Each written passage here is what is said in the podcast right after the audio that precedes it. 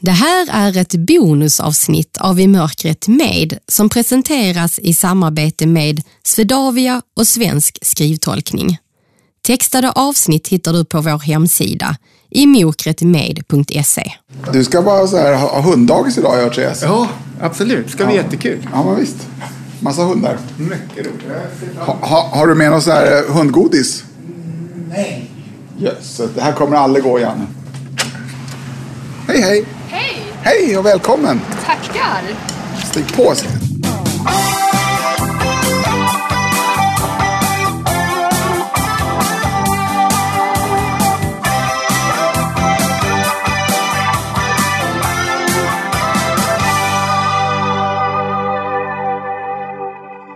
Välkommen till I mörkret med, podden som spelas in i totalt mörker. Jag som pratar heter Anna Bergholtz. Tusen tack till alla er som lyssnar på I mörkret med och vill du stötta vårt arbete, gör oss en tjänst och gå in och betygsätt oss där poddar finns. Nu till en riktig förebild som är grym på att simma. Vanligtvis bjuder vi in seende gäster till I mörkret med. Det är liksom själva poängen med podden. Men eftersom vi var så nyfikna på den här kvinnan valde vi att göra ett undantag till det här, vårt andra bonusavsnitt.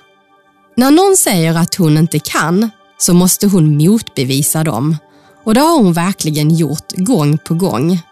Hon har lyckats kombinera studier på KTH med en karriär som elitsimmare. Och det är just simningen som var räddningen när hon förlorade synen i tonåren. Vi pratar om allt det här och om varför simningen har blivit hennes grej.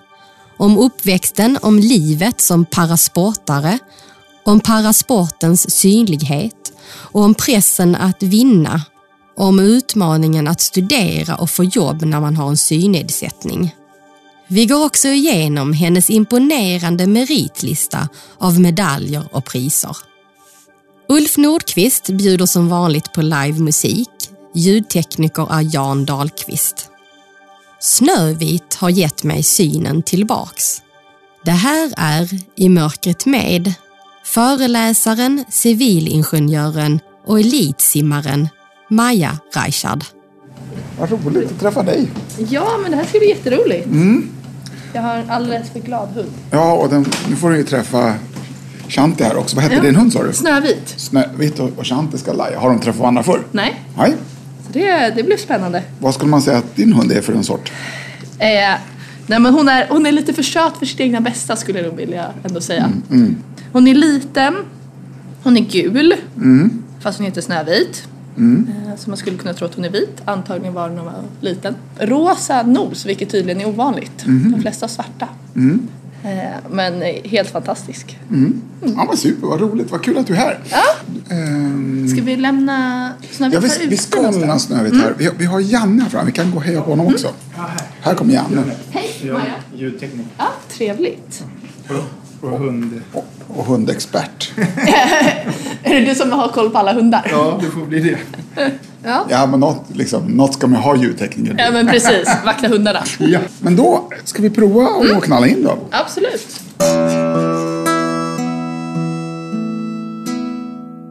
Hörru, nu börjar vi närma oss Anna här borta. Ja. Hej Maja. Hej Anna. Hallå. Är det bra för dig? Det är bra, tack själv! Det är bara bra. Jag har varit lite förkyld, så lite hostig fortfarande. Ja. Eh, Men annars är det bara bra. Ja, vad roligt att du är här Maja. Ja, jätteroligt att Vi vara ska se här. om vi hittar varandra sen då. Där, hej! Hej. Ja, kul. Ja. Det känns lite speciellt för du är ju vår första gäst som är här som inte ser. Ja, det är annorlunda för dig. Det är annorlunda för mig. Jag, jag kände nu när ni kom in att eh, här var det två som var vana vid att eh, inte se någonting och satte sig enkelt. Och, ja. Är det någon skillnad för dig nu när du kommer in? För här är ju helt mörkt inne. Ser du någon ljus? Jag kan se skillnad på ljus och mörker. Eh, inte färger. Men eh, nej, jag tycker det är ganska skönt när det inte finns någonting. För då finns det ingenting som kan störa ögonen heller. För den skillnaden som det är, är liksom, det irriterar mig mer än vad det gör, ger någonting. Vem är det som smyger runt här? Är det du Ulf? Jag har någon som smyger här. Ja. Är det du Ulf? Har det varit mer smyg än jag? Nej, allvarligt talat så jag, jag var ute hos Janne just och är tillbaka så att jag... Nej men visst hörde du också att, nej men du skojar nu Ulf? Nej. Ja men det lät som att han var någon inne. Ja, men det, det är kanske att vi har haft så pass många så här som har hållit på med andlighet och... Ni, ni har fört in andar här. så de har, de har glömt lite andar. Ja. Vår tidigare gäst som var medium ja. ja men jag hörde någon med nycklar, var det inte du då? Ja, men nycklarna, det var jag. Ja, det var bra försök. Nu blev jag nästan rädd på riktigt. Ja, men eh, Maja, berätta vem du är. Ja, jag är en 27-årig tjej som bor i Stockholm. Har eh, precis avslutat mina civilingenjörsstudier. Och eh, börjat jobba, så jag jobbar som hållbarhetskonsult. Och eh, samtidigt som jag har pluggat så har jag hållit på att satsa en elitsatsning på simning. Vilket eh, har gjort att mycket av min tid har spenderats i simhallar eller på gym, eh, sovandes eller ätandes däremellan med lite studier. Ja. Det är en väldigt bra sammanfattning av mina senaste tio år. Om du skulle beskriva dig själv, dina egenskaper, alltså hur är du som person? Glad tjej. Och jag tycker om eh, utmaningar. Jag tycker det är roligt att vara med människor. Jag tycker det är, jag är nyfiken. Upptäcker gärna nya saker. Hur skulle dina nära och kära beskriva dig, tror du? Ja, men det skulle också vara glad.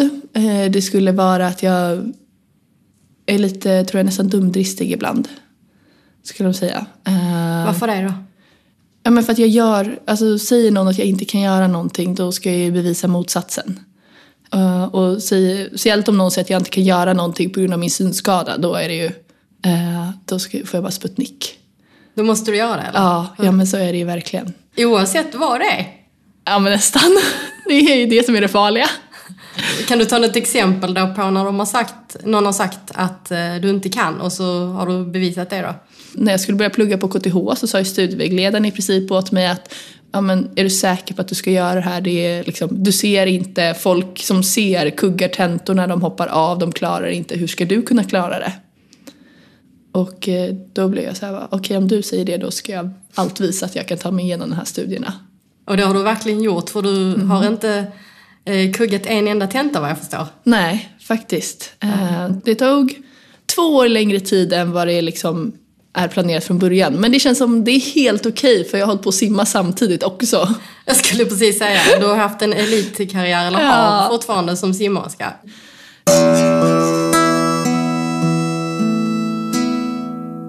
Jag tycker det är roligt att vara ute i naturen och åka skidor, segla. Vi var i somras så satt jag i en laser som är en segelbåt och var ute och seglade själv med en walkie-talkie. Så satt de andra i en motorbåt och eh, försökte dirigera mig lite på avstånd. Så du var helt själv? Ja.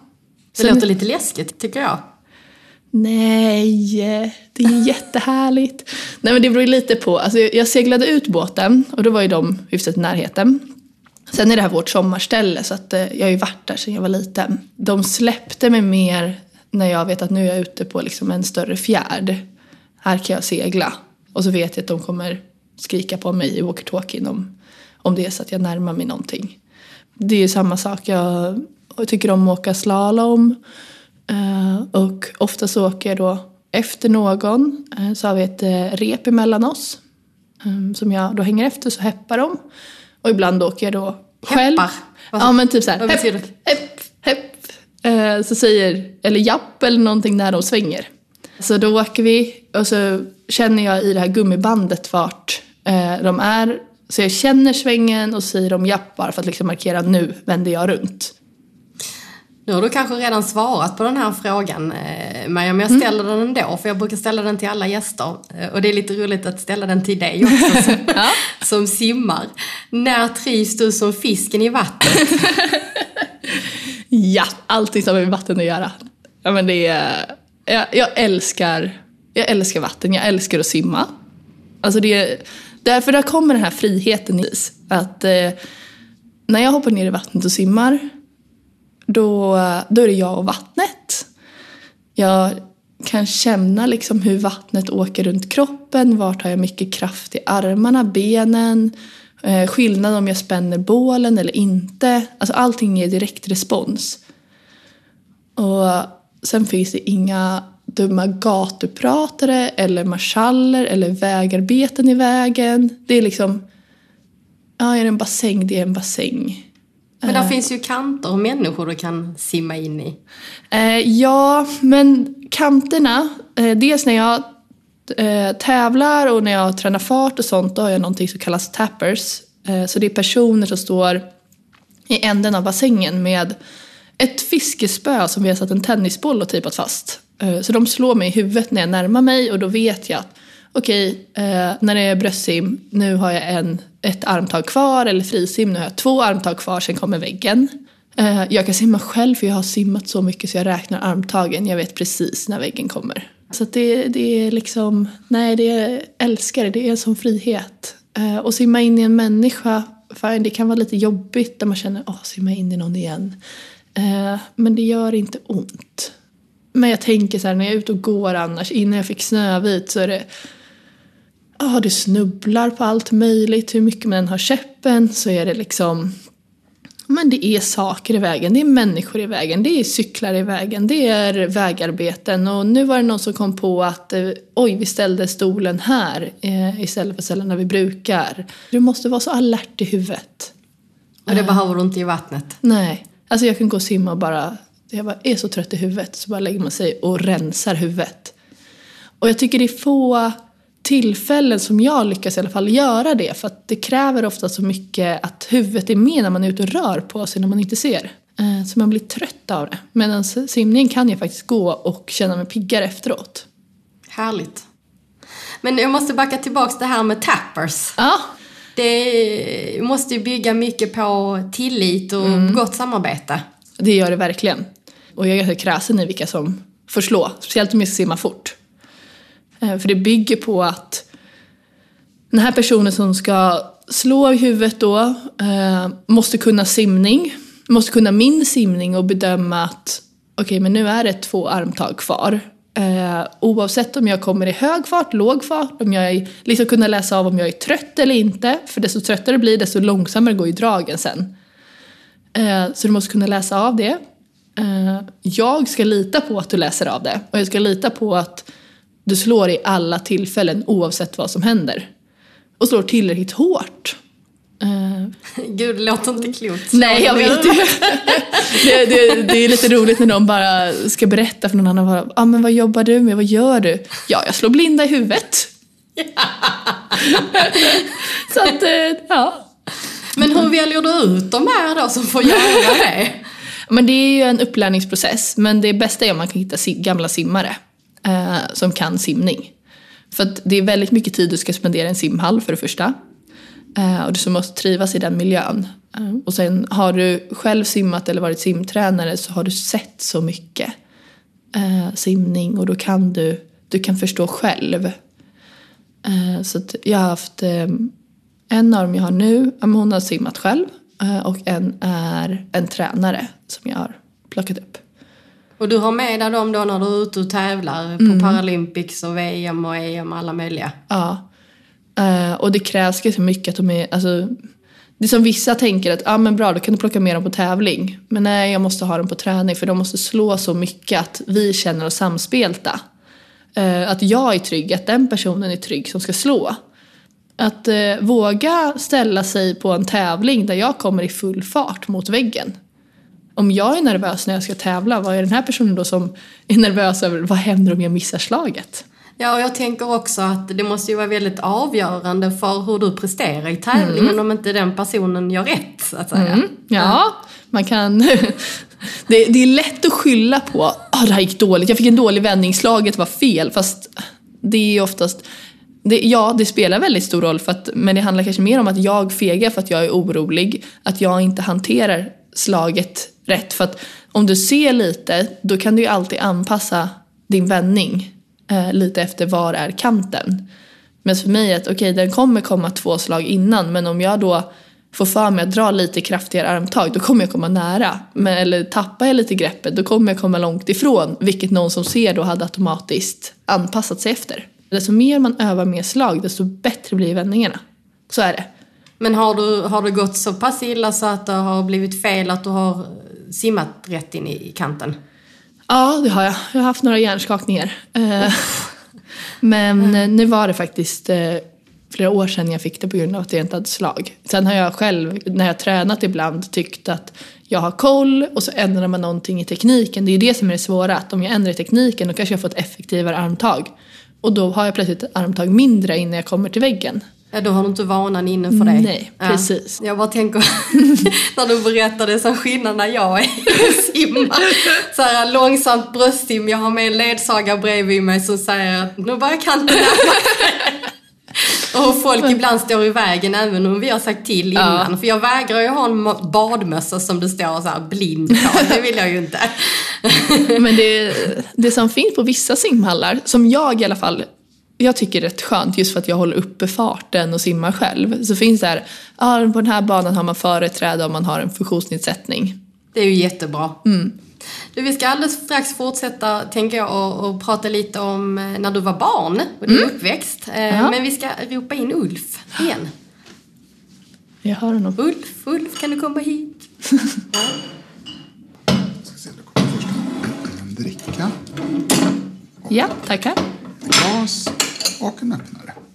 Det är första kittet. Mm. Det var en stor öppnare. Ja. Då öppnar vi, eller? Ska du öppna Nanna? Tack. Den kommer under. Perfekt. Här har vi någon som är van. Det brukar inte gå så fort alla gånger. Nej, och Ulf, du är ju så snäll ofta. Du brukar säga, ja man behöver ju inte öppna fla- eller eh, man behöver ju inte dricka ur eh, glaset. Ja. Så, sen ska du få två skålar här. Och vem vet vad det kan vara i dem? Ja. Du får testa Maja. Är det saker jag ska äta med händerna? Ja, ja, det kan ju vara bra att veta. Letade efter bestick här. Ja, precis. Men det var inga instruktioner om det. Så avancerat kör vi inte när vi kör podden. Det känns ju som det är choklad runt det här.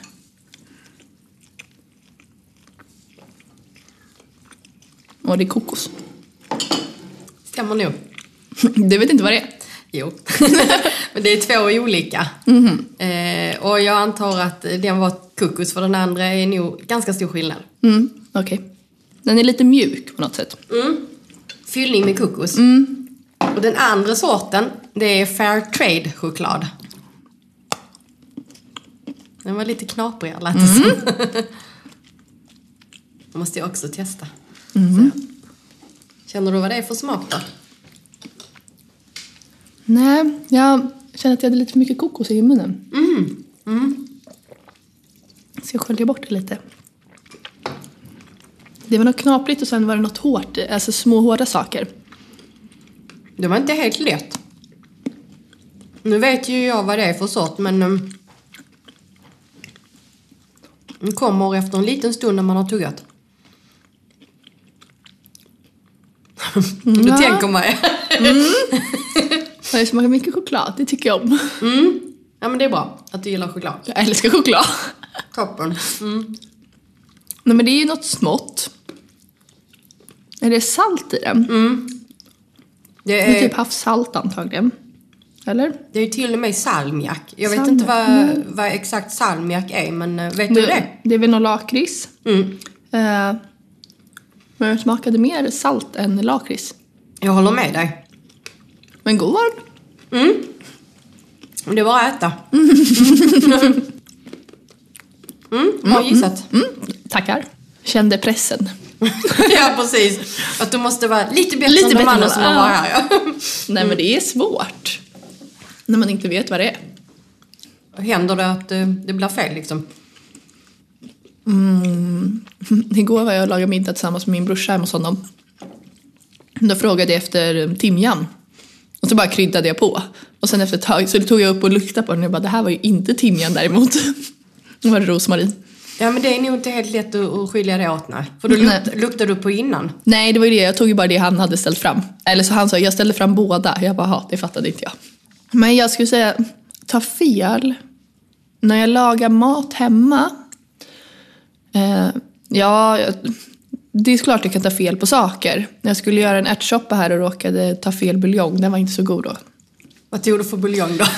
Ja, det är det. Jag vet inte vad jag tog för buljong. Vi har i princip nästan bara grönsaksbuljong hemma. Så jag hade ju lyckats ta något av, ja, fisk eller... Ja, det kan vara fiskbuljong kanske. Ja, den var i alla fall ingen god. Den alltså det var till slut så att jag slängde soppan. Oj, så pass? Ja, den blev jätte... Jag fick krydda upp och krydda om det. Det blev inte bra. Sen har jag gjort missar som jag var med någon kompis och vi skulle äta. Och vi åt fisk och potatis bland annat. Och så åt jag och så skar jag någonting, stoppade i munnen. Och konstaterade att det här var ingen potatis, det var ju en citronbit. Det där är ju en klassiker när man inte ser tycker jag.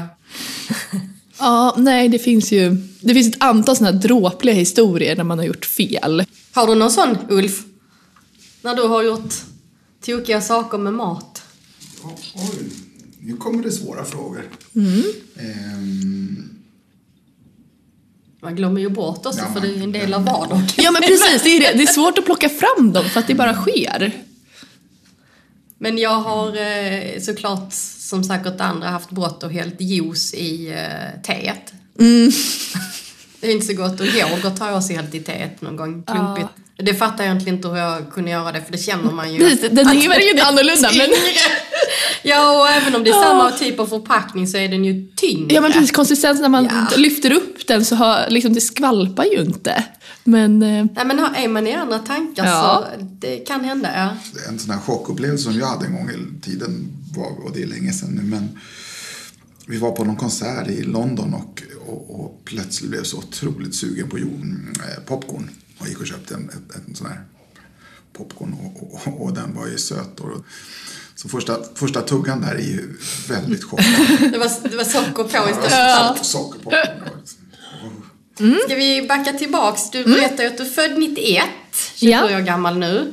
Eh, Berätta, hur var din uppväxt? ja, jag har en eh, brorsa som heter Olle. Så att, eh, han är två år yngre än mig. Eh, nej, men jag är uppvuxen i Nacka och har bott där hela mitt liv. Eh, I en villa tillsammans med båda mina föräldrar. Mm, höll på, jag testade väldigt mycket olika aktiviteter när jag var liten. Eh, jag har både dansat, jag har sjungit i kör, jag har spelat fiol, både själv och i orkester. Eh, varit i scouterna, hållit på med någon gympavariant. Eh, jag har hållit på med kampsport. Ja, det var jätte, jättemycket saker som hände. För mina föräldrar har varit så här, kör på, testa. Och det viktiga är att man rör på sig. Det är inte mina föräldrar som har satt gränserna för vad jag kan och inte kan. Eh, utan de har jag liksom, jag får testa och de hittar på lösningar på sakerna. Vad hade du för drömmar som barn? Jag vet att när jag gick på dagis så var det så här, vad är ditt drömyrke? Eh, och jag, min pappa jobbade som eh, fastighetsförvaltare och det tyckte jag var fantastiskt roligt. Eh, dels för att när man fick följa med honom så fick man ju bara godis av alla hans hyresgäster som försökte smöra in sig hos honom. Eh, och så fick jag, vi var på TV, han förvaltade TV4-huset så jag fick rummel och rabaldergosedjur och liksom. Det var ju världens bästa jobb. Jag kommer inte riktigt ihåg vad jag hade för drömmar för mycket blev, när jag kom upp i tonåren så började min syn försämras. Och det känns som att allting liksom vändes lite upp och ner då. Då var det så skönt att ha idrotten och simningen att luta sig tillbaka på. När förstod du att du skulle bli blind? Ingen gång. Läkarna liksom, de sa ju inte att du kommer bli blind utan de sa, ja vi vet inte. Jag, När Ja. upptäckte man att du hade RP? Eh, man upptäckte att jag såg dåligt när jag var ungefär ett år. Jag började med att ha glasögon på mig som var gjorda för fyraåringar. Eh, så de var alldeles för stora. Sen diagnostiserades jag nog när jag var runt fyra år. Men hur var det för dig då i tonåren när, när synen försvann? Mm, det var jobbigt. Mest för att jag kände att när mina kompisar blev mer och mer självständiga så blev jag liksom mer och mer beroende av andra. När de började så här få gå ut och handla kläder själva så var det svårare för mig att liksom välja mina kläder i garderoben för att jag såg inte vad det var. Och så, ah, men ska vi gå ut och ta en fika på stan? Ja, men jag hittar inte dit. Jag har haft fantastiska vänner som verkligen inte har lämnat mig i sticket. Um, när vi cyklar tillsammans i skolan och när jag till slut konstaterar att det här går inte längre. Ja, men, då tog min bästa kompis och hon bara, men då cyklar vi tandem istället. Ja, härligt. Eh, så att jag har haft fantastiska vänner. Men det blir ändå lite ifrågasättande av sig själv. När man känner att okej, nu, nu börjar jag plötsligt snubbla på en, eh, en tröskel som finns hemma som jag alltid har sett. Eller jag ser liksom, om någon har råkat lämna en låda utdragen så plötsligt så ramlar man på den. Det är jättejobbigt. Man känner sig ganska värdelös. Hur eh, tog du dig igenom det då? Eller känner du lika, kan du känna likadant idag? Överlag så tycker jag att det, idag känns det ju bra. Eh, men jag har fortfarande dippar när man bara känner att ah, livet är orättvist. Varför ska jag det, liksom, Varför ska jag ifrågasättas på saker som jag tycker att jag kanske klarar av eller varför ska jag inte klara av att göra de här? Varför tar det så mycket mer energi för mig än för någon annan? Livet är orättvist. Men mycket har ju lärt mig att hantera det. Att se det positiva. Och simningen har jag kommer aldrig komma ifrån det. Den har ju format mig så mycket. Hade, inte jag på, hade jag inte tappat synen så hade jag nog inte heller varit ute och tävlat så här mycket. Inte plockat de medaljerna jag gjort. Jag hade inte fått eh, vara på häftiga fester och fått priser och utvecklat mig själv som person. Det har ju varit liksom räddningen. Eh, Simningen. ja, verkligen. Och kommer det sig att eh, simningen blev din grej då? För du har ju testat så mycket olika saker. Dels så när jag började simma så var det min mamma, hon tyckte liksom du måste lära dig simma alla fyra simsätten för det är bra. Och då sa jag okej om jag aldrig, aldrig någonsin behöver tävla. Det var vår deal. Så jag började träna men konstaterade väl efter ett tag att det var ganska tro eller det var roligt att träna men tråkigt när man märkte att de andra i gruppen hade varit ute och tävlat och kom tillbaka och var mycket tajtare. Eh, så då började jag åka med på tävlingar och lärde känna andra människor och fick åka på läger från med simmare från andra delar av Sverige. Och för att få träffa dem igen, ja men då behövde jag ju trä, liksom fortsätta att simma. Så det kom ju liksom igång i en cirkel det där. Eh, och tyckte det var jätteroligt. Sen har jag haft fantastiska tränare som, jag har haft en tränare Rasmus, han eh, han stöttade väldigt bra. Och va- han märkte ju på mig det som första, första tecknet på om jag inte mådde bra. Dels för att synen gick ner eller liksom så här, Det var ju simningen, det märkte, det var ju han som la märke till det.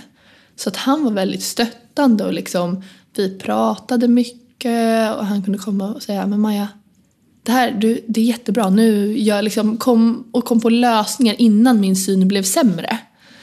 Och fick det att säga att ja, men, eh, desto mer syn du tappar liksom, då kommer du i lägre klasser i simningen. Så det blev liksom nä, nästan någonting bra att tappa synen. Eh, Hur menar du med att man kommer i lägre klasser? I simningen så har vi tre stycken synskadeklasser eh, som kallas S11, 12 och 13. Där 11 är den man får, ja definitionen är väl att du ska inte kunna urskilja konturen av en hand på något avstånd.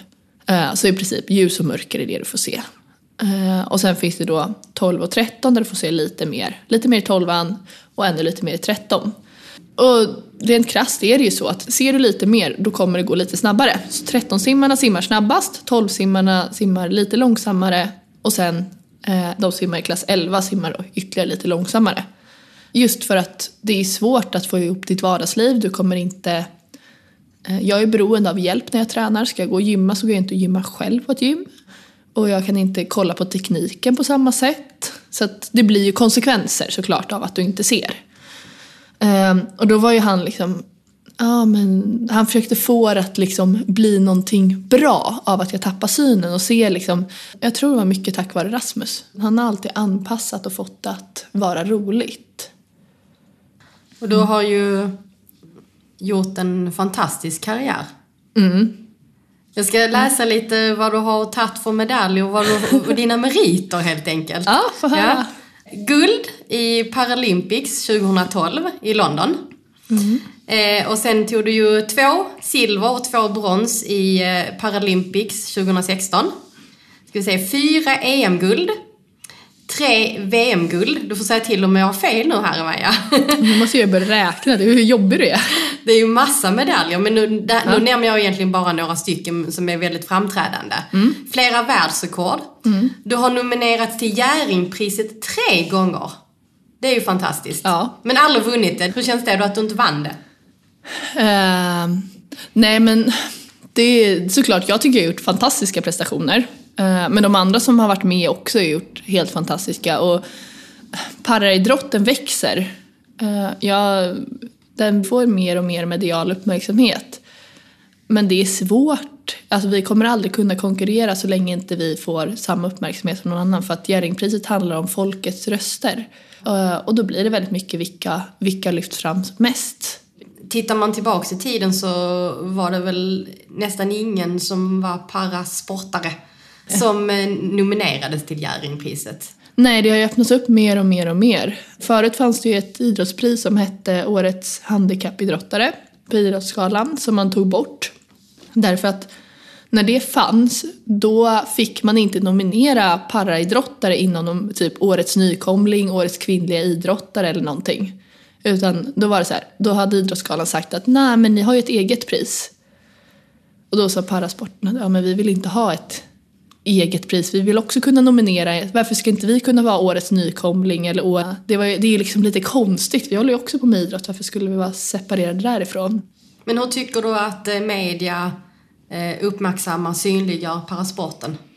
Det blir mer och mer. Jag har ju fortfarande önskemål att det ska bli ytterligare. Alltså man, jag hör ju väldigt mycket siffror om populariteten kring Paralympics, hur det växer. Alltså det är nästan, det, det blir fler och fler timmar som sänds i Sverige från Paralympics, både vinter och sommarspelen. Och folk tycker det är spännande och roligt. Så jag tycker det är synd att det, liksom, det blir mycket uppmärksamhet bara vart, ja, vart fjärde år eller vartannat år eftersom det är vinter och sommarspelen. Eh, och däremellan är det liksom ganska tyst. Vilket jag tycker är tråkigt för att folk frågar efter det.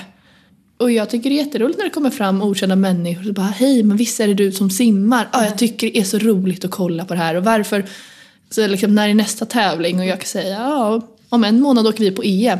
Ja, men då sänder väl SVT det? Nej. Varför tror du att eh, media är så dålig på att uppmärksamma parasporten? De har väldigt mycket att uppmärksamma allmänt. Alla idrotter vill ju bli uppmärksammade. Och då har det varit att parasporten tillbaka i tiden har varit lättare. Alltså i och med att det inte krävs lika mycket träning. Det krävdes fortfarande bra träning men konkurrensen kanske inte var lika stor. Idag så du måste, alltså det är att träna för att vara bäst, det kräver nästan ett heltidsarbete. När jag pluggade och när jag tränade som absolut mest, bara träningsmässigt så kanske jag var uppe i 30 timmar. Och sen ska du ta dig till och från och du, träningen, du ska äta, du ska vila. Men det är ett heltidsyrke. Ja, och det fick du att gå ihop med dina studier. Ja, men precis. Det har jag tänkt väldigt mycket på att eh, ni som håller på med parasport, är också få som får sponsring och kan liksom ägna sig åt det som ett jobb som så många andra elitidrottare gör. Vad tänker du kring det? Ja men det är ju där, vi, alltså ska vi få upp parasporten, speciellt i Sverige. Hade jag plockat en medalj och bott i England, då eh, säger de, jag hade ju fått så mycket både sponsorer, pengar och uppmärksamhet så det inte hade varit ett problem. Uh, Medan här i Sverige, så här, ja men jag försökte få uh, prata med ICA Ringenskans-Tull och fråga dem, ja men vill ni sponsra mig? Och de bara, ah, nej vi tar Hammarbys damlag istället. Eller liksom, nej det är inte intressant. Då är det efter att jag har plockat ett guld i London, och jag har VM-medaljer och jag har världsrekord. Men jag är inte tillräckligt intressant. Ja, hur känns det då? Ja men det är ganska surt. När man liksom, ja men vad krävs det då för att få sponsring? Nu har jag levt väldigt mycket på att eh, söka fonder, stipendier, vara ute och föreläsa lite. Vilket jag tycker är jätteroligt men det tar ändå energi. Ja, och det är ju orättvist. Jag tänker om andra elitidrottare eh, Ja. inte behöver göra allt det där liksom. Och det tar ju ännu, ännu mer energi, det vet ju jag som inte ser. Ja. Allting tar ju lite mer energi och tid när man inte ser ändå. Men om du nu är företag som skulle sitta och lyssna på det här. Mm. Vad skulle du vilja säga till dem? Jag skulle vilja säga att våga satsa på paraidrottare för jag tror att det är framtiden. Alltså det växer mer och mer. Uh, sagt var, medieuppmärksamheten är inte det största idag, men den kommer. Däremot så är paraidrottare väldigt duktiga på att jobba med sociala medier då, för att man inser att det är där man kan synas.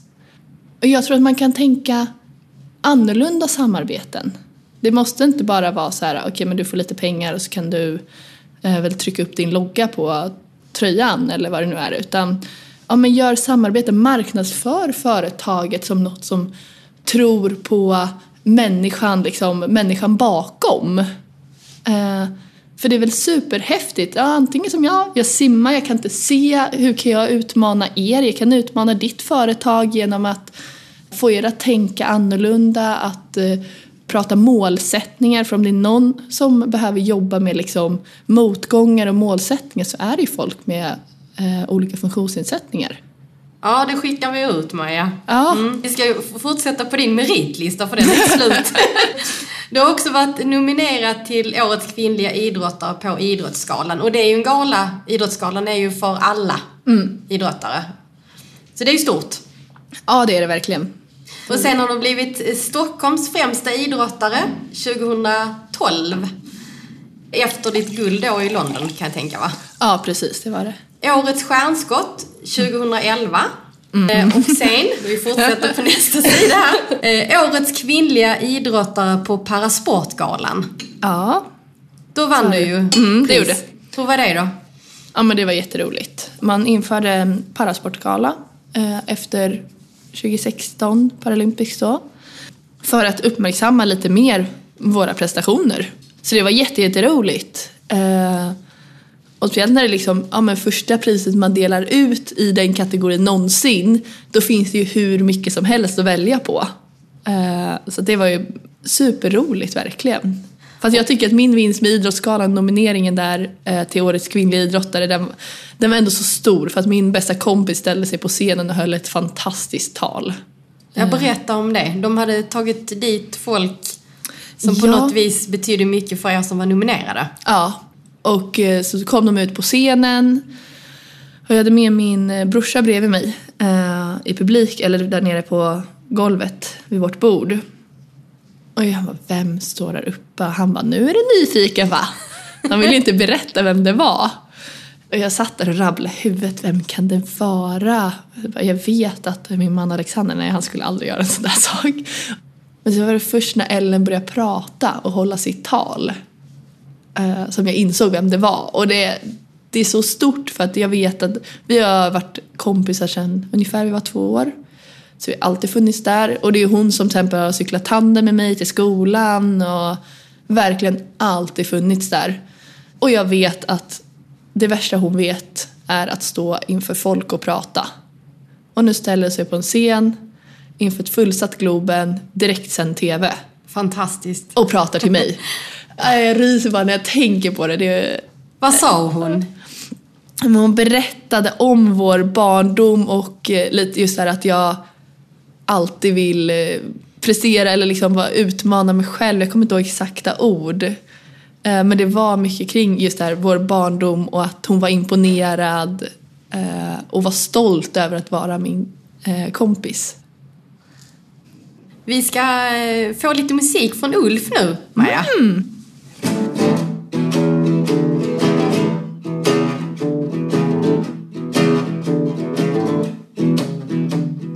Jag kan inte, vågar inte lova dig att allt blir bra. Men en sak är helt säker, ingen annan man kan se dig som jag. Jag gillar din röst och tröst. Du, jag älskar dig precis som du är.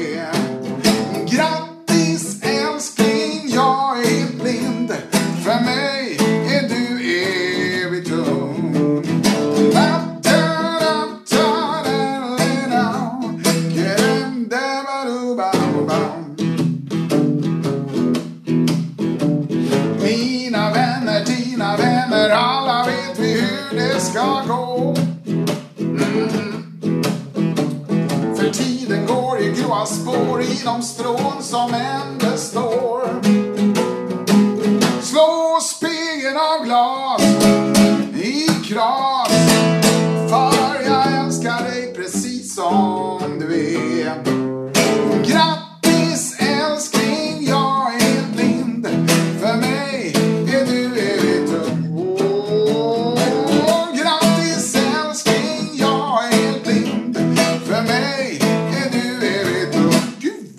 mörkt här inne. Grattis älskling, jag är blind. För mig är du evigt ung.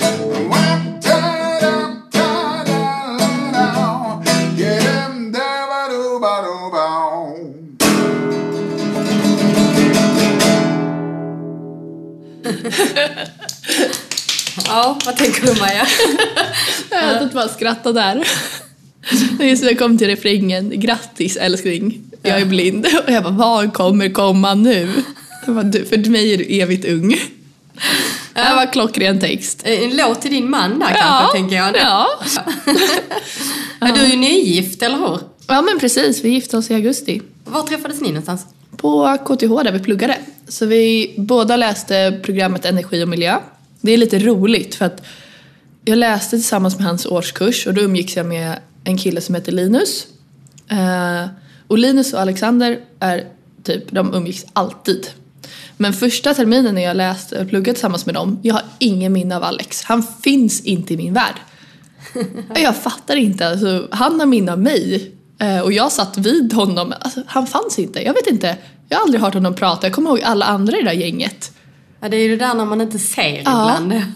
Så att han fanns inte där i början. Men sen så um, när vi läste lite senare tillsammans då så gjorde jag, Alex och Linus väldigt mycket grupparbeten och vi satt och läste elkrets och så här, förstå olika elkretssaker. Då behöver man, då behöver man bra människor runt omkring sig. Eh, så att, eh, ja, men det var där vi lärde känna varandra. Och ni är gifta nu? Mm. Vad härligt. Ja, det är jättehärligt. Eh, Men vi ska backa tillbaka igen lite Ja. till din meritlista. eh, 2016 så fick du ju möjlighet att eh, vara fanbärare vid invigningen Ja. av Paralympics. Mm. Hur kommer det sig att du blev utvald till det? Du är inte fanbärare på ditt första Paralympics. Eh, utan man ska ju ha lite prestationer bakom sig och något som förbundet känner att man kan, som man vill lyfta fram. Att det här är någon, en person som vi tycker är en bra representant. För att den som blir fanbärare är ju liksom representanten för landet. Så jag känner bara jätte, jättestor ära att få vara fanbärare. Eh, det är svårt att tacka nej till en sån sak. Det gör man väl inte? Nej, nej alltså jag var, jag var typ chockad över det och nej, det var, det var så, så fantastiskt roligt. När vi gick in, in i den där arenan, jag hade med mig min simmarkompis Micke som fick gå där fram med mig och ledsaga och det var, han liksom berättade, han var uppe till höger har vi svensk flagga och där och folk tjoa och kimma och det var, och så mycket glädje och sån stolthet att få gå där. Sån stolthet över att få leda fram den svenska truppen. Leda fram den liksom mot våra framgångar. Ja, det var så... Det var så häftigt. Allt det här som du har gjort, fantastiska prestationer, jag är superimponerad. Vad av det här har betytt mest, skulle du säga? Det finns ett antal olika saker utifrån lite olika aspekter. Jag tog min första internationella medalj 2010. Det VM-guldet var... Det betyder väldigt mycket för mig. För det var från... Alltså jag kom från ingenstans. Eh, och det är det jag har mest, väldigt mycket minnen kring. Vad minns du? Jag minns hur jag kom in. Alltså jag, när jag gick in till callroom innan där vi samlas upp och man sitter med sina konkurrenter och flyttas liksom steg för steg närmare startpallarna. Eh, jag höll på att spy. Jag var så nervös. Eh, det var till och med så att min tapper som var med då och hon frågade Maja behöver du gå till toaletten? jag hade uppkvällningar och benen skakade. Eh, för jag hade som mål när jag åkte till VM att jag skulle ta mig till en final. Och i försöken så hade jag, efter försöken hade jag bästa tid. Så plötsligt från att liksom, ah, men jag ska vara nöjd om jag kommer bland topp åtta till att, jaha, jag kanske ska plocka medalj. Eh, och i och med att man plockade man en guld eller silver då fick man också, landet fick en plats till Paralympics. Så det var liksom, det var väldigt mycket som stod på spel plötsligt. Och jag minns hur jag simmade loppet och det gick jättedåligt. Jag var zigzag och alltså det var, hej kom och hjälp mig. Och så kom jag i mål, skakade ur öronen ur va- eh, eller vattnet ur öronen, skakade ur öronen ur vattnet. Eh, försökte höra vad spiken sa och så hör jag Daniela Schulte, third place. Och liksom besvikelsen av att har de hela ropat upp liksom tredjeplatsen. Ah, hur dåligt simmade jag egentligen? Och så tar jag mig upp på kanten där Annika står och väntar på mig. Och jag frågar henne, Annika, vad gjorde jag för fel? Och hon svarar, inget, du vann. Alltså det är så här, från supernervös by- till besvikelse till total glädje. Det är så mycket känslor i det. Eh, så det är ju så häftigt. Sen jämföra det med ett Paralympics-guld går ju inte för att det är, det är så mycket annat runt omkring. Så London 2012 var också fantastiskt men där hade jag väldigt mycket press på mig. Jag läste det att, eh, att du mådde ganska dåligt och stängde av mobilen, även privata mobilen. För du kände sån stor press, att det var så stora förväntningar att du skulle ta guld. Ja. Och nu till vår samarbetspartner Swedavia och Håkan Sevegran som jobbar som ledsagare på Arlanda. Om man vill ha eh, assistans eller ledsagning när man reser, hur gör man då? Eh, Ja, antingen så säger man till i informationsdiskarna ute här på Arlanda. Eller så kan man vid incheckningen eh, också beställa hjälpen. Och sen finns det så kallade help pointers så man kan trycka på en knapp och så kommer man direkt till vår organisation för att beställa hjälpen där.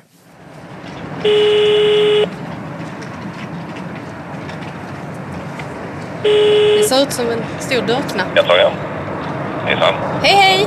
Hej, hej. Det här var Anna och, och Håkan som är ledsagare som bara testar den här help-knappen.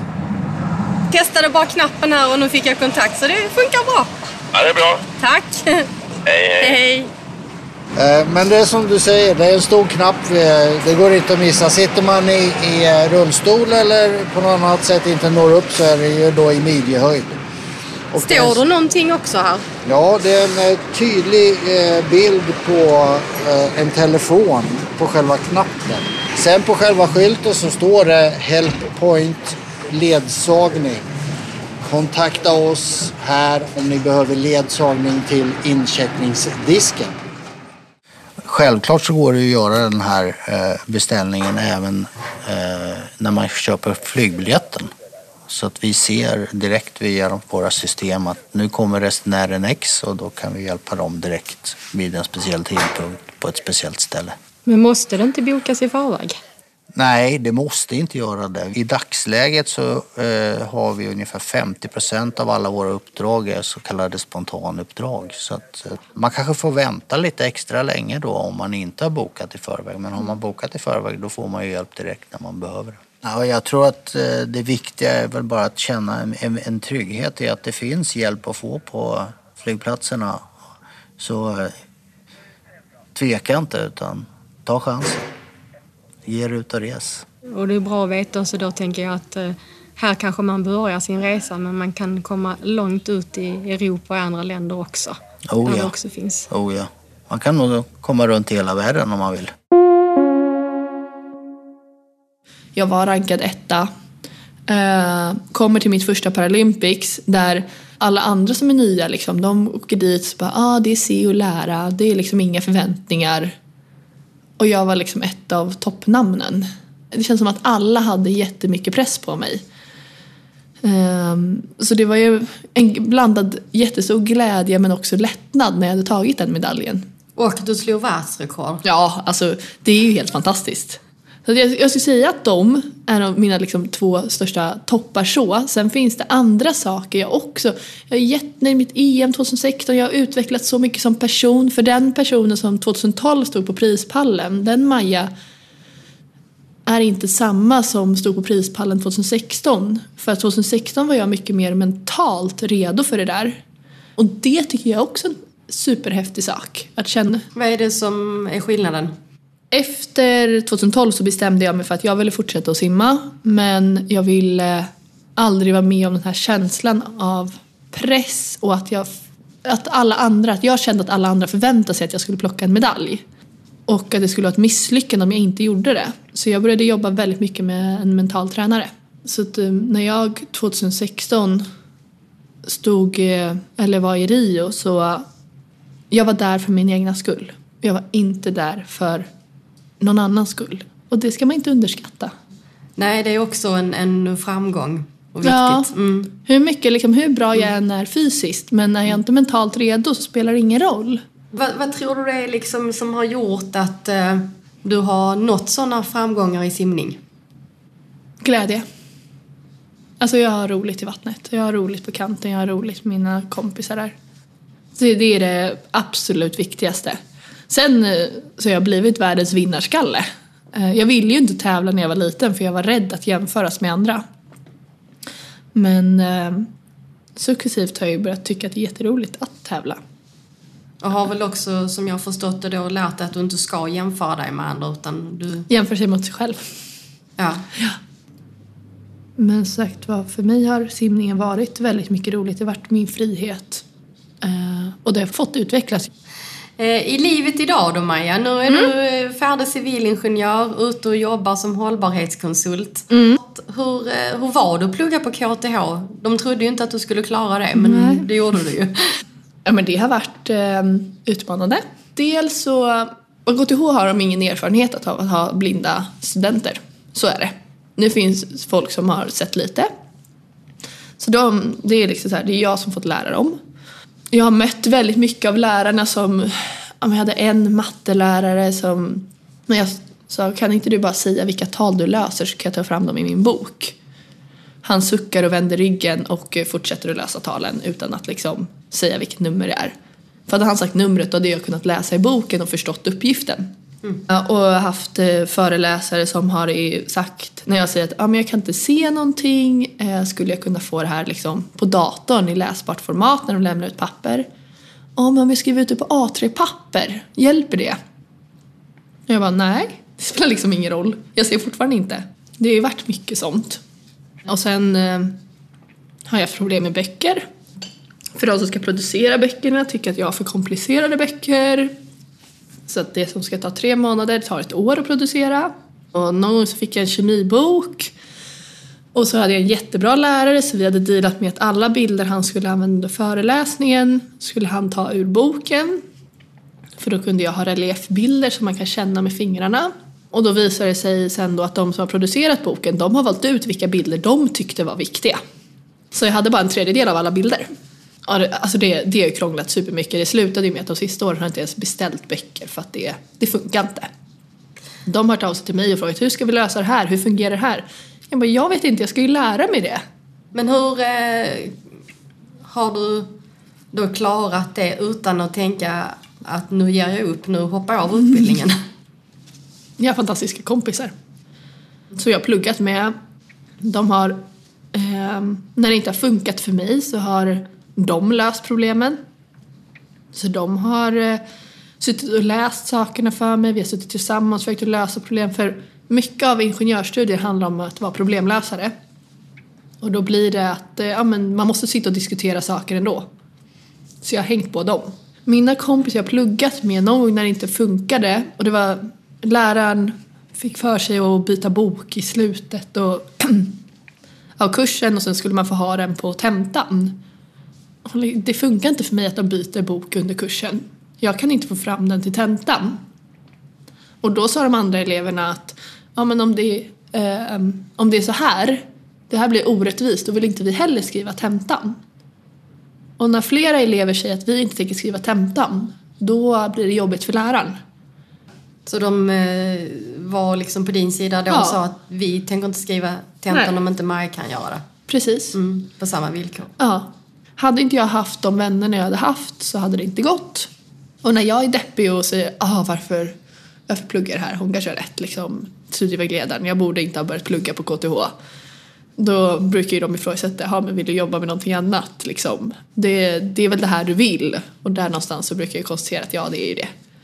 Och sen har jag fått bråka lite med, bråka med lärarna. Eh, använt media som hot. Jag liksom bara, men jag simmar, jag ska ha en intervju här med Sveriges Radio. De, de är fascinerade över hur jag kan kombinera studier och eh, elitidrott. Det är ju lite synd att jag nu ska behöva säga att ja, fast det funkar inte att plugga. Ja, just det. Ja. Alltså det är ganska hemskt men det är sån, sådana saker har ändå ganska mycket makt. Och då har du kunnat använda din, ditt kändisskap Ja. på, på ett bra sätt. Mm. Men du, nu är du ute i arbetslivet. Hur var det att få jobb då? För det är ju svårt för många att få ett jobb när man har en funktionsnedsättning. Ja, och det hade jag hört innan. Men jag tänkte på något sätt att tar jag mig igenom mina civilingenjörsstudier då, kan ni, alltså då har jag ju tagit mig igenom det tuffaste. Då, då borde jag ändå få ett jobb. Tänkte jag. Men det var ju lättare sagt än gjort. För när jag sökte exjobb så var det, det var lite tufft att få ett exjobb. Och då gör jag ändå ett arbete gratis för ett företag. Men eh, jag fick eh, ett jättebra exjobb på ett företag som heter VSP. Och eh, där fick jag sen då, så började vi diskutera jobb och möjligheten att fortsätta. Så det är där jag jobbar nu. Vilket jag tycker är fantastiskt roligt att ha den möjligheten. Men det är som de säger också, hade jag kommit dit och sökt jobb utan att de hade vetat att jag hade varit där och skrivit ett exjobb då är det inte säkert att de hade vågat ta det steget. För det är det är okunskap. De vet inte vad jag kan. Eh, de vet inte vad det innebär att ta med en synskadad eh, in i sin grupp. Och då är det läskigt. Och de har krav på sig att gå med vinst med en viss procentsats. Och då ta in ett osäkert kort, det är ju inte någonting de gör sådär. Står de och väljer mellan mig och en annan person. Så det är inte så lätt som jag tänkte. Nej, jag känner ju igen mig i det du beskriver att eh, jag fick ju journalistjobb när jag hade gjort praktik. Ja. För att det är som du säger mycket okunskap. Okunskapen är väldigt stor. Och jag förstår att folk är rädda om de inte vet. Men det... Någonstans så måste man ju våga chansa eller våga ta reda på mer saker. Va, hur kan du börja dissa och säga att det här funkar inte om du inte vet? Men vad behöver du för att det ska funka, Maja? Min dator med talsyntes och en punktdisplay. Eh, det är väl mina två liksom främsta saker. Har jag min dator så klarar jag mig väldigt långt. Eh, Så egentligen är det inte så mycket Nej. som man behöver. Nej. Sen är det ju, det som blir är ju att ja, men kommer det en ritning till mig så kan inte jag ta hand om den själv. Men då finns ju stöd från Arbetsförmedlingen så att de företag kan få pengar och inte går med förlust. Utan de får ett litet bidrag och då kanske någon annan kan ta sig tiden att förklara ritningen för mig. Så att de får ju bidrag för det så jag skulle säga att jag tror nästan man går på vinst att ta in mig. Liksom, förutom att jag då där jobbar så blir det en mångfald. Eh, du kommer få ett annat perspektiv vilket kommer göra att man kan bredda sina tjänster och göra ett bättre jobb, tror jag. Det är som eh, varför, för annars fall så ha en grupp med bara vita medelålders män, är det den bästa? Kommer du få det bästa resultatet då? Eller om du blandar åldrar, blandar olika kön, olika bakgrunder. Ja men såklart att det kommer ge ett bättre resultat. Och jag tror jag kan bidra med väldigt mycket. Exempelvis. Exempelvis så är jag duktig på matte. Jag är ganska snabb på att räkna huvudräkning. Eh, exempelvis så har jag, en annan för, har jag byggt upp ganska mycket förståelse kring hur olika saker påverkar, eller beroende på vad du har för funktionsnedsättning. Eh, jag tycker det är väldigt spännande att fundera på i samhället hur man planerar, hur det ger konsekvenser för olika personer beroende på dina förutsättningar. Jag tror ju på att ska du bygga någonting som funkar för alla då ska du ju ta dem som har de tuffaste förutsättningarna. För att det kommer göra det lättare för alla i samhället. Ja, men det finns ju många saker som man inte tänker på att de från början har varit hjälpmedel som nu är liksom integrerade i vårt samhälle. Till exempel när vi pratar om vattenkranar. Eh, så man bara, idag, vi, vi lyfter upp den och drar åt höger eller vänster för att varmt och kallt vatten. Det är ju ett hjälpmedel från början. Eh, innan hade man ju så här, du ska vrida på höger för kallt och vänster för varmt och ja, fjärrkontroll. Som ingen kan vara utan idag. Nej, verkligen inte. Det är ju bara... Eller så har vi nedfasade kanter. Jag kanske inte är den största fanet av dem. Men det är för att folk ska kunna komma ner med rullstolen. Används idag av barnvagnar, cyklister. Men det finns ganska mycket sånt som folk inte tänker på att det här var ett hjälpmedel. Eh, För det är så integrerat i samhället. Och även om jag nu sitter och jobbar med hållbarhet och vi sitter liksom i projekteringsstadiet så måste det här, tror jag det här liksom genomsyras hela vägen. Det finns alltid saker man kan göra för att göra det bättre och lättare Eh, och då måste du ha fler perspektiv. Och du måste ha in folk som, kanske du, som du själv kanske inte tänker på. För du själv sitter inte på den kunskapen. Jag tror precis som du. Att du bidrar Ja. ett perspektiv som är viktigt där. Sen har jag ju konstaterat att på mitt jobb så är den mest populära kollegan vi har är min ledarhund Snövit. Så att, eh, eh, de, hon bidrar väldigt mycket också. Kan du berätta något kort bara om vad Snövit har betytt för dig? Jag fick henne för ungefär ett och ett halvt år sedan. Och det har gett min syn tillbaka. Det är det bästa beslutet jag har gjort. Jag kan röra mig fritt. Bara att gå ut och gå, ta, sig, ta sig till jobbet. Jag går till jobbet. Det tar en knapp halvtimme. Det hade jag aldrig gjort om jag inte hade haft Snövit. Det hade varit tunnelbanan. Och varför hade du inte gjort det tidigare? För att det skulle ta alldeles för mycket energi. Jag hade aldrig klarat av att lära mig att gå den vägen. Det är bilar, det är cyklister och ska man in... Det är lite småvägar, det är öppna ytor. Nej, det, jag hade ju varit trött när jag kom till jobbet. Jag hade inte orkat jobba sen. Men alltså, nu hänger jag bara på. Nu är det liksom lättare att gå till jobbet än att ta tunnelbanan. Och du får eh, en halvtimmes frisk luft. Mm. Eh, jag kan ta mig ut och bara få gå i skogen. Eh, inte behöva känna att jag alltid måste ha med mig en människa. Det är bara en frihet. Det är verkligen att få en del av synen tillbaka. Jag känner mig självständig. Ja, härligt. Du ska få en eh, liten present av mig, Maja. Jaha, En liten eh, symbolisk grej. spännande. Vi se om du kan känna vad det är för någonting. Nu tänker jag att du ska vara grym på det här som är van vid, vid det jämfört med våra andra gäster. Där.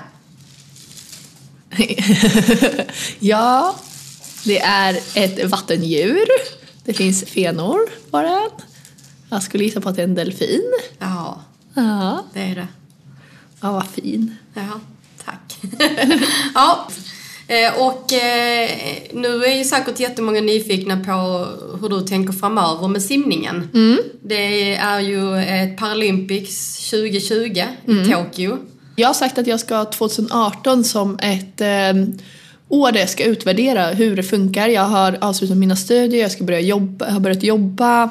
Så jag har sagt att eh, i slutet av 2018 ska jag fatta ett beslut av vad, vad som händer. För jag vet att det krävs jättemycket arbete, tid på träning för att liksom kunna vara med. Jag åker inte till ett Paralympics för att vara där och för att det är roligt. Ska jag dit så ska jag med och slåss om medaljerna. Ska jag dit så ska jag verkligen liksom försöka göra mitt bästa. Eh, så det är väldigt mycket tankar som kommer landa i ett beslut här i slutet av året. Eh, Ja, då får vi se helt enkelt. Ja. spännande. Eh, vi ska avsluta med snabbfrågor. Te eller kaffe? te, Chips eller smågodis? eh, smågodis, Spara eller spendera? spara, Hemmakväll eller utekväll? hemmakväll. Hur ser en sån ut? Ja, jag är så van vid att jag alltid är trött efter träning och jobb. Eh, gärna en god middag eh, tillsammans med min man eh, och kanske sitta och kolla på en film eller ha några kompisar över och bara sätta liksom, ja, men sitta och småsnacka och dricka en kopp te eller någonting. Prata eller lyssna? Den var svår. Prata. Globetrotter eller sommarstuga? Eh, sommarstuga. TV-program, debatt eller idol? Eh, debatt. Kött eller vegetariskt? Vegetariskt. Är du vegetarian? Nej, men jag äter väldigt mycket vegetariskt. Jag Ja. tror att det är bra för miljön. Barn eller vuxna? Mm, barn. Katt eller hund? Hund. Skriva eller läsa? Eh, läsa. Händig eller tummen mitt i handen? Händig. Och sista, ljus eller mörker? Jag tycker om ljus. Och till de andra gästerna brukar jag säga snart, och då ska du få komma ut i ljuset snart, men... ja, det är inte riktigt så med, med dig här. Nej. Eh, Det är inte jättestor skillnad. Ja, du kommer väl se lite ljus när du kommer ut härifrån kanske. Du ska få skriva en eh, liten signatur i vår gästbok. Ja. Du får en penna med här Maja. Nu ska vi se Ska vi här. ta bort lite fat här? Ja. Hur öppnar man den här nu då? Vet jag inte hur man får ut spetsen. Eh, Ska jag kolla? Ja, gör det. Tänker det kanske du är klurigare på. Ja, man drog i eh, den du sätter ner för att sätta fast eh, i en tröja eller på papper. Aha, det ska vara en civilingenjör till alltså. Ja, precis. Där känner du boken. Japp. Och där eh, du Spelar har roll var? Eh, gamet på den sidan, där kan du skriva någonting. Så att vi vet att du har varit här. Mm, Okej. Okay.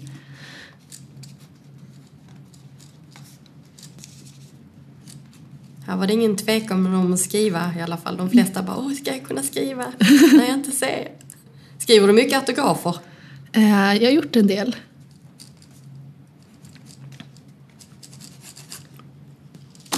Så. Vad skrev du? Tack för fantastiska samtal. Tack Maja.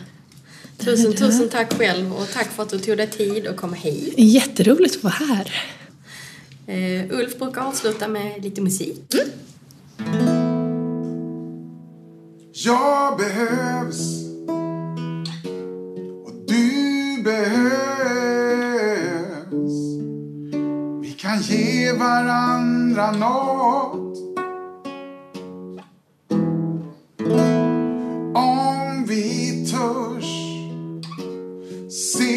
Varann och de gåvor vi har fått. Då blir olikheten en styrka och vi kan ge något till varann. För tillsammans måste vara vägen